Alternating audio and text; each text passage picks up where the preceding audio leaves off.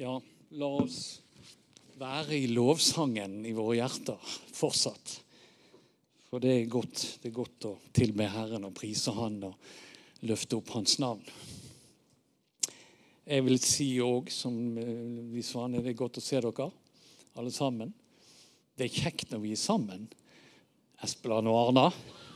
Sant, det er det. Det er flott. Og vi er rike.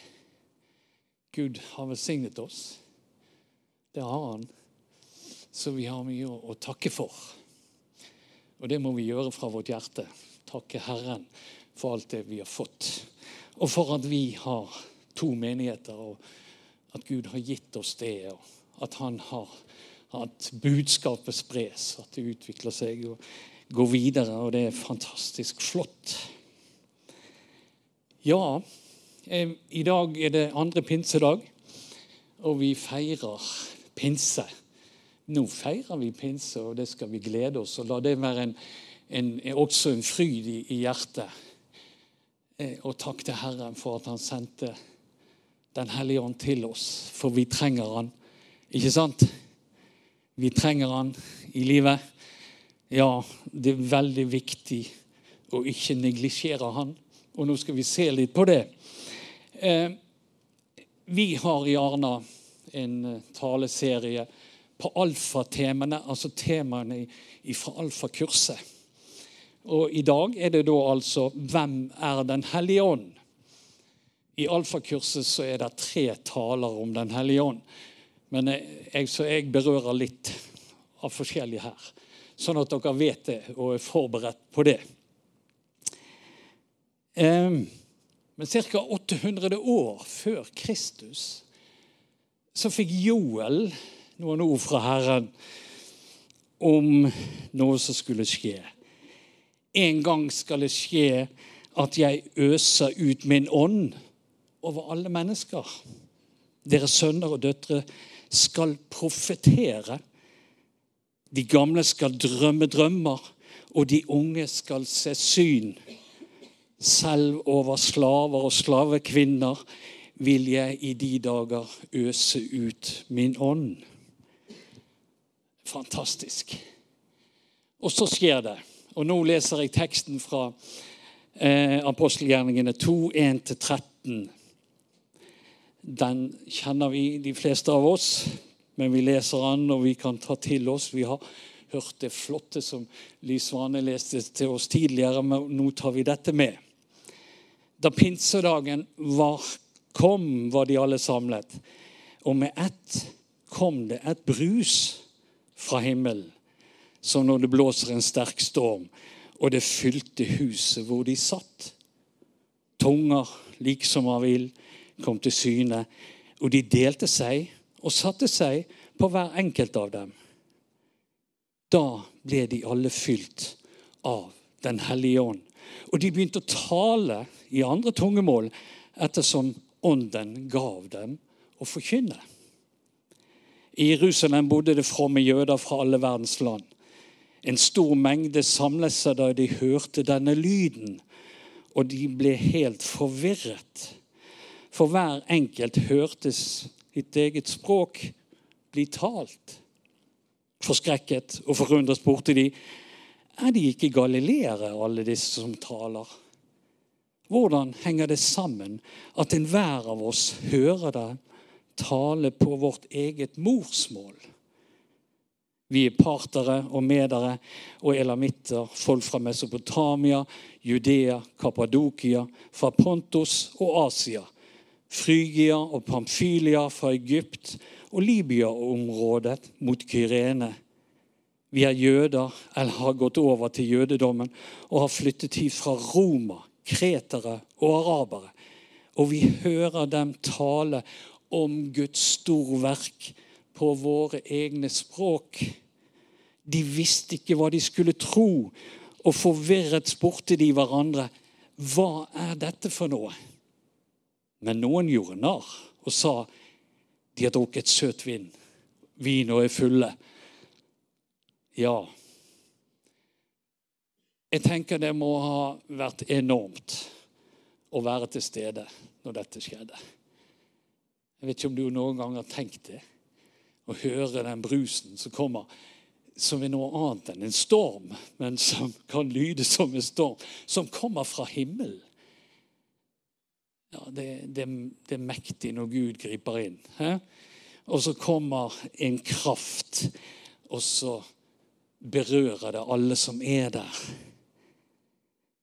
Og det, Både for disiplene og de andre troende som fikk Den hellige ånd, også for disse da som er tilskuere til dette, det må ha vært helt enormt. Men det som er viktig å tenke òg, er at fra den dag så, og fram til i dag så har mennesker blitt fylt av Den hellige ånd. Og dermed fått livet sitt endret. Det har skjedd hele tiden, og det skjer fremdeles i dag. I en vennegjeng på universitetet så ble nesten hele gjengen frelst i begynnelsen av 1974. De fleste ble med en gang veldig entusiastisk over den nye troen på Jesus Kristus. Men en av kameratene var ikke så entusiastisk, og det så ut som han, om det gikk litt tregt med bibellesningen og bønnene hans. Men en dag så ba noen av kameratene for han at han måtte bli fylt av Den hellige ånd. Han ble fylt, og det forandret livet hans. Han begynte å smile. Og han ble kjent for at det strålte av han. Og det gjør det fremdeles.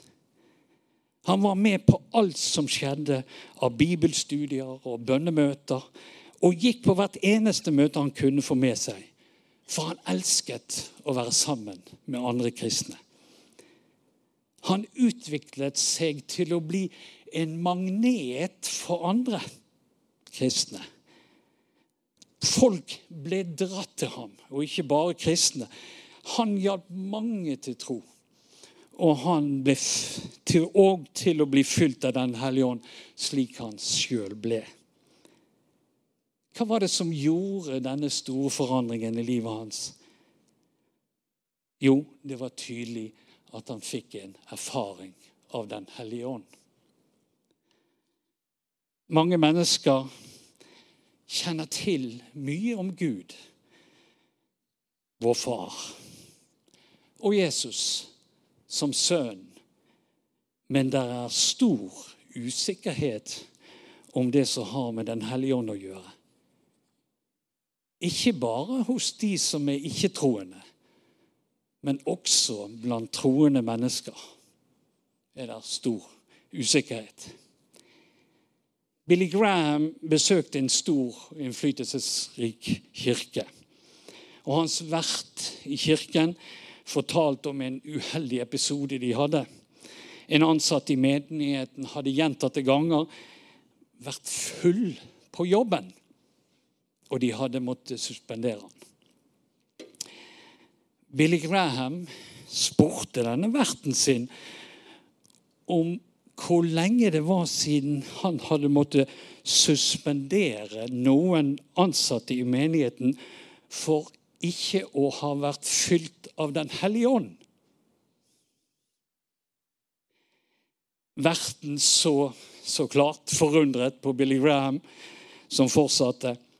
Bibelen sier nemlig drikk dere ikke fulle på vin. Men i det samme verset sier, står det bli fylt av Ånden. Du skjønner, den positive oppfordringen til å bli fylt av Ånden er like bindende for oss som den negative, negative oppfordringen til ikke å bli full av vin. ikke det er en grei måte å se det på? Vi trenger å bli fylt av Den hellige ånd. Den hellige ånd er en person. Tredje person i guddommen, i treenigheten. Han tenker, han taler, han leder, og han kan bli såret står der i Guds ord. Så vi må passe på. Og en ting som er viktig, er at vi ikke neglisjerer Den hellige ånd. Vi må heller gi ham mer plass i våre liv, sånn som ordet oppfordrer oss til. Ved Den hellige ånd bor Jesus i oss. Det lærer Skriften. Så du har han nær hele tiden.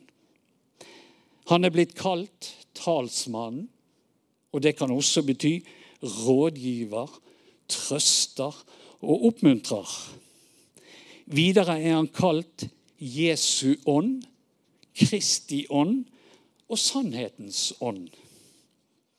Han minner oss om det Jesus har sagt, og han tar fra Jesus og forkynner for oss. Og så ber han for oss. ikke det flott? Vi har en som ber for oss der oppe, som bor i vårt hjerte, som kjenner oss, og så tar han og ber for oss. Og det trenger vi mer enn noe. En prest forteller at menigheten hans var ganske tørr og uten særlig mye liv. Men så en dag ble han og konen hans fylt av Den hellige ånd. De fant en helt ny entusiasme for Guds ord, og deres liv ble forandret. Menigheten deres ble forvandlet og ble til et senter for liv. Sønnen, som også ble fylt, startet en ungdomsklubb, og som snart ble den største i det området der de bodde. Mange mennesker blir dratt til mennesker og menigheter hvor de ser liv av Den hellige ånd. Det må vi huske på. Altså, mennesker blir dradd der det er liv. Så vi trenger liv i våre menigheter. Vi trenger liv i våre hjerter.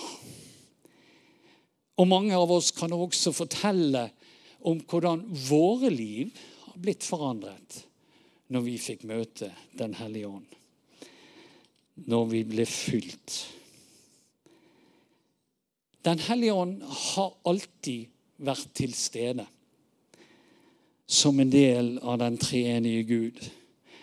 Og vi kan lese om han helt fra skapelsen av. Dette vet vi. Og han opptrer opp igjennom historien i Det gamle testamentet. Så dukker han opp i visse situasjoner hele veien. Så han har alltid vært der på jorden.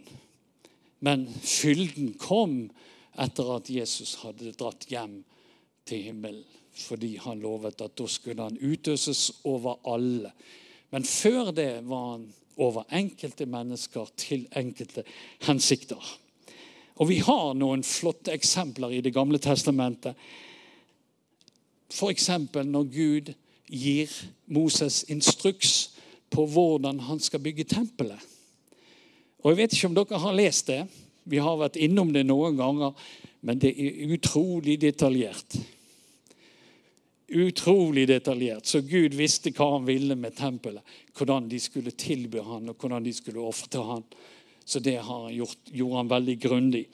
Og så sier han da eh, i 2. Mosebok 31 så står der Herren sa til Moses, jeg har valgt ut Besalel, sønn av Uri, sønn av Hur, fra Judas stamme.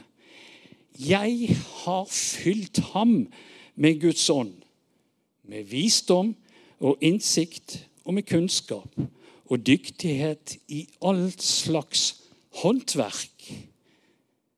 Så han kan tenke ut og lage kunstferdige arbeider i gull, sølv og bronse slipe steiner til innfatning, skjære ut i tre og utføre all slags håndarbeid. Hørte dere det?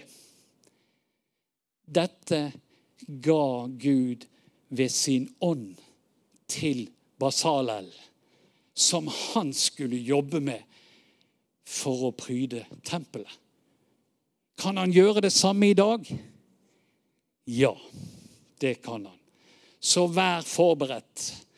Hvis du ber han om å fylle deg, så kan han fylle deg med mye spennende ting. Det er det han vil. Gud har en plan, og Gud har en tanke, og vi må finne den. Gud fyller også enkeltmennesker til lederoppgaver. F.eks. når Gideon ble kalt til tjeneste. Vi vet at det kom en engel, satte seg ned der han holdt på å jobbe.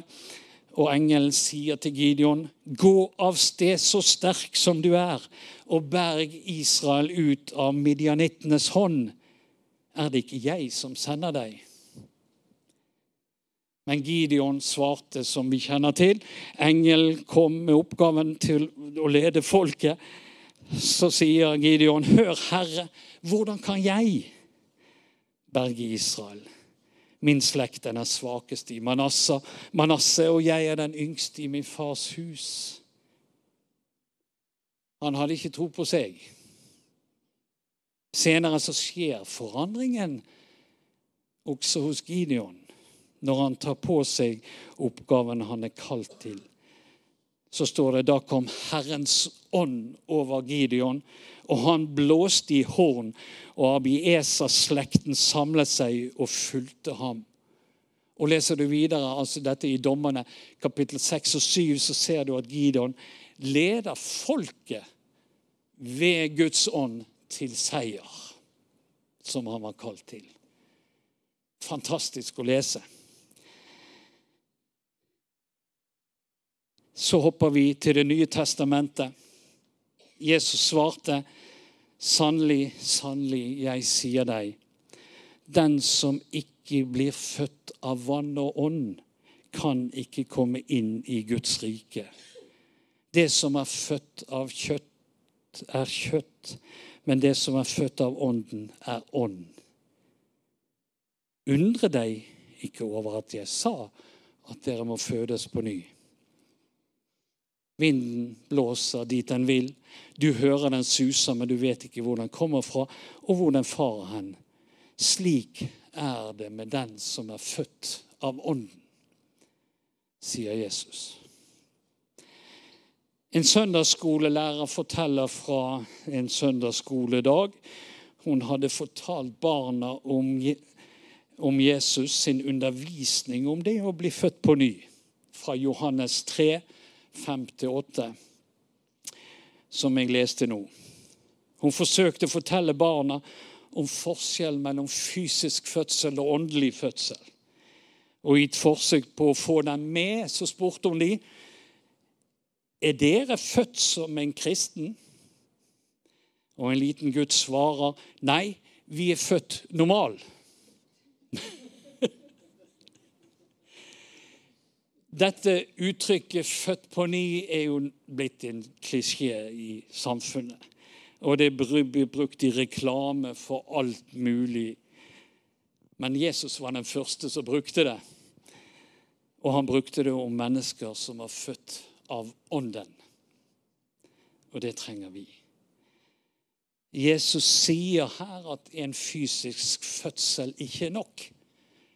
Vi trenger å bli født av ny av Den hellige ånd. Og Paulus sier alle som drives av Guds ånd, er Guds barn. Dere har ikke fått den ånd som slavene har, så dere igjen skulle være redde. Men dere har fått ånden som gir dere rett til å være Guds barn. Den som gjør at vi roper 'Abba, far'. Men Ånden selv vitner sammen med vår ånd og sier at vi er Guds barn. Der har du fødsel. Ånden vår smelter sammen med ånden fra Herren og vitner for oss og forteller oss at vi er Guds barn. Men er vi barn, så er vi også arvinger. Vi er Guds arvinger og Kristi medarvinger, så sant vi lider med ham. Og så skal vi også få del i herligheten sammen med Han. Det er ikke noe større privilegium enn det å få bli kalt Guds barn.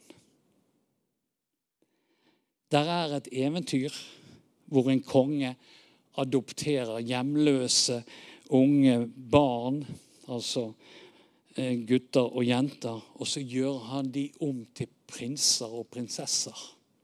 Det høres veldig flott ut. Men vi òg er prinser og prinsesser. Og Gud er vår konge. Gud er vår far. Og denne retten, den har vi fått. Og det må vi minne hverandre på innimellom. Sånn at vi kjenner at vi hører til. Vi kjenner at vi er med på noe som er mye større enn det vi ser rundt oss i dag. Vi som troende vi har blitt adoptert inn i Guds familie. Og Det fins egentlig ikke noe større ære enn det å få høre til den allmektige Gud og kalle han far.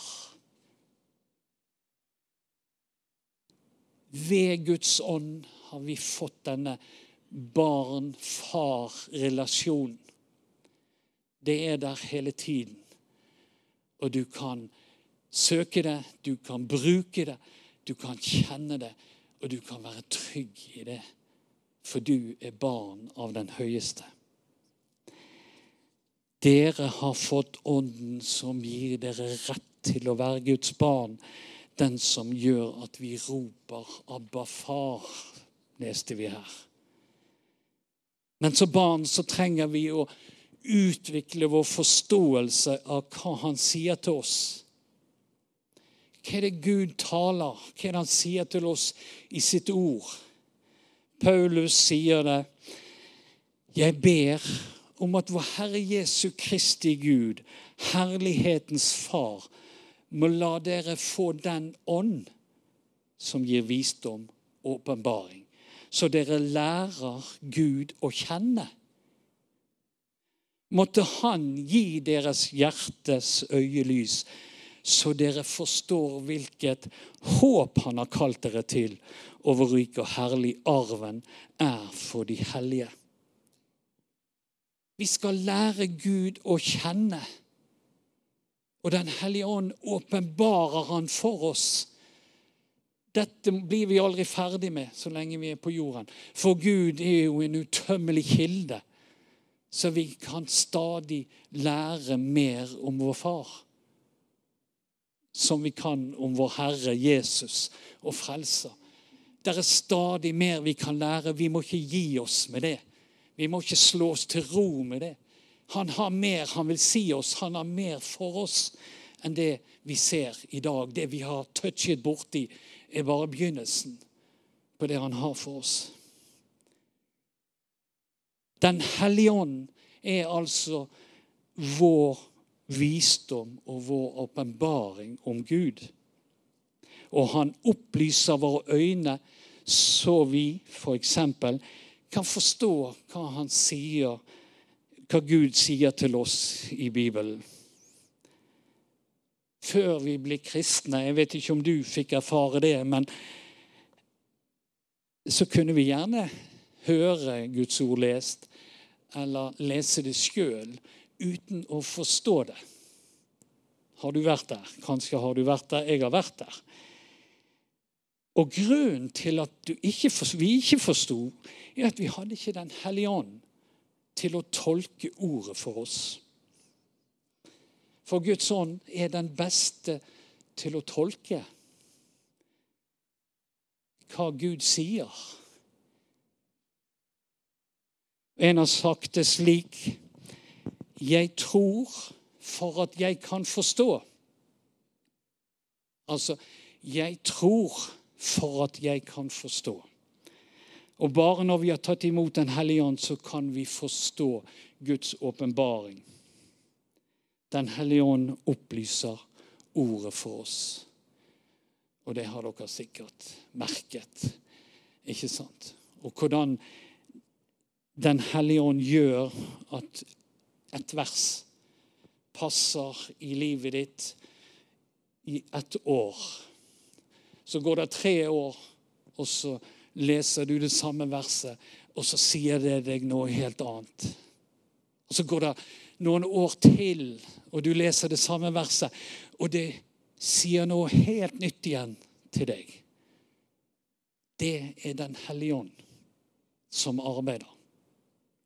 Og når du har bedt om noe og venter på et bønnesvar, så kan du sitte og lese i Bibelen, og plutselig så er det som om et ord kommer opp imot deg, og du har svaret på din bønn.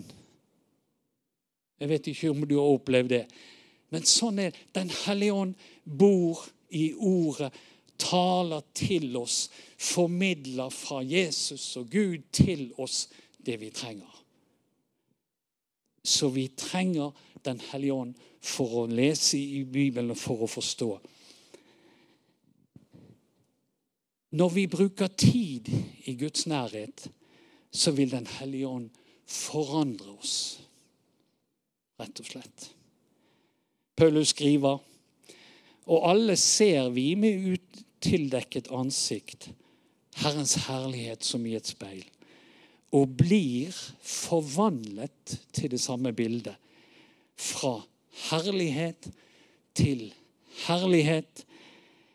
Dette skjer ved Herrens ånd. Altså bruker vi tid med Herren, med ordet og bønnen så forandres vi.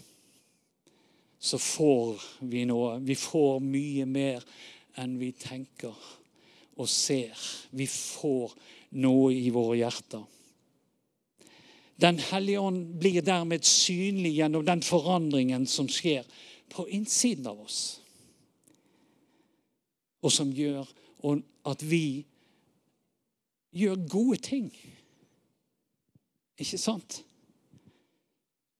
Og vi vitner om Guds godhet til andre. Frukten av et liv med Den hellige ånd er Men åndens frukt er kjærlighet, glede, fred, overbærenhet, vennlighet, godhet, trofasthet, tålsomhet og selvbeherskelse. Når du merker at disse ting får prege deg, så er du fylt av Den hellige ånd. For det er der du får det, og bare der. Hvis vi ikke fyller oss med Den hellige ånd, så kan ikke Herren legge dette ned i oss. Dette er sånn som Herren er, og det er dette vi trenger. For det er det som skal prege oss i det livet vi lever. Kjærlighet, glede, fred, overbærenhet, vennlighet, godhet, trofasthet, tålsomhet og selvbeherskelse vi trenger det. Så vi trenger å fylle oss med Ånden. Så vi får dette her, så det kan prege oss. Noen ganger kan vi mennesker tenke at vi, vi klarer oss sjøl. Vi tenker at det jeg holder på med i Guds rikes arbeid, det går lett, det går greit. Dette ser jo bra ut. Og Noen ganger kan vi tenke at vi klarer å bygge opp et arbeid på egen hånd. Men vi trenger å høre og gi akt på Guds ord til Serubabel. Serubabel han var nemlig leder av judastammen som kom i den tiden de første returnerte til Israel etter fangenskapet i Babylon. Han var i den første gruppen som kom hjem. Og han var den som ledet oppbyggingen av tempelet, det andre tempelet. Nehemia vet vi ledet oppbyggingen av muren rundt Jerusalem. Serubabel, som kom hjem på den samme tiden, han ledet oppbyggingen av tempelet. Og I Zakaria 4,6 så står det da tok han til orde og sa til meg, dette er Herrens ord til Serubabel. Ikke ved makt, ikke ved kraft, men ved min ånd, sier Herren allherrs Gud. Det holder ikke å tenke at vi kan klare med vår makt, ved vår kraft, eller vår rikdom, eller fysisk utholdenhet for den saks skyld, å fullføre arbeidet vi står i i Guds rike. Med det med Herrens ånd. Og vi trenger å nullstille oss. Så han kan få plass. Han kan få komme med alt det han vil. For Gud vil at det skal skje ved sin ånd. Tenk det. Han gjør oss nesten overflødig. Det han trenger for oss, sitt villige hjerte. Her er jeg, send meg, bruk meg. Utrust meg, fyll meg. Gi meg det jeg skal gjøre. Så det holdt ikke for Serubabel å bygge opp tempelet i egen kraft. Og det holder heller ikke for oss å bygge opp det arbeidet vi står i, eller menighetsarbeidet i egen kraft. Vi er nødt til å ha Den hellige ånd. Den hellige ånd er visdom og kraft fra Gud, og vi må bruke det Gud har gitt oss. Skal vi be? Herre, vi er veldig takknemlige for at du har gitt oss din Hellige Ånd. Takk for alt det han gjør for oss. Takk for alt det han er for oss. Og vi trenger han i vår liv. Vi trenger hans visdom, hans hjelp, hans oppmuntring, hans trøst. Ja, vi trenger alt det han gjør, Herre. Så fyll oss med din ånd. Herre, kom og gi oss mer. Og hjelp den enkelte av oss der vi er i vår liv, til å strekke oss etter mer. Mer av det du har for oss. Mer av Den hellige ånd. Slik at du kan forandre oss, slik at du kan ta oss videre. Slik at du kan fylle oss til å bli det du har tenkt vi skulle bli. Så Herre, kom.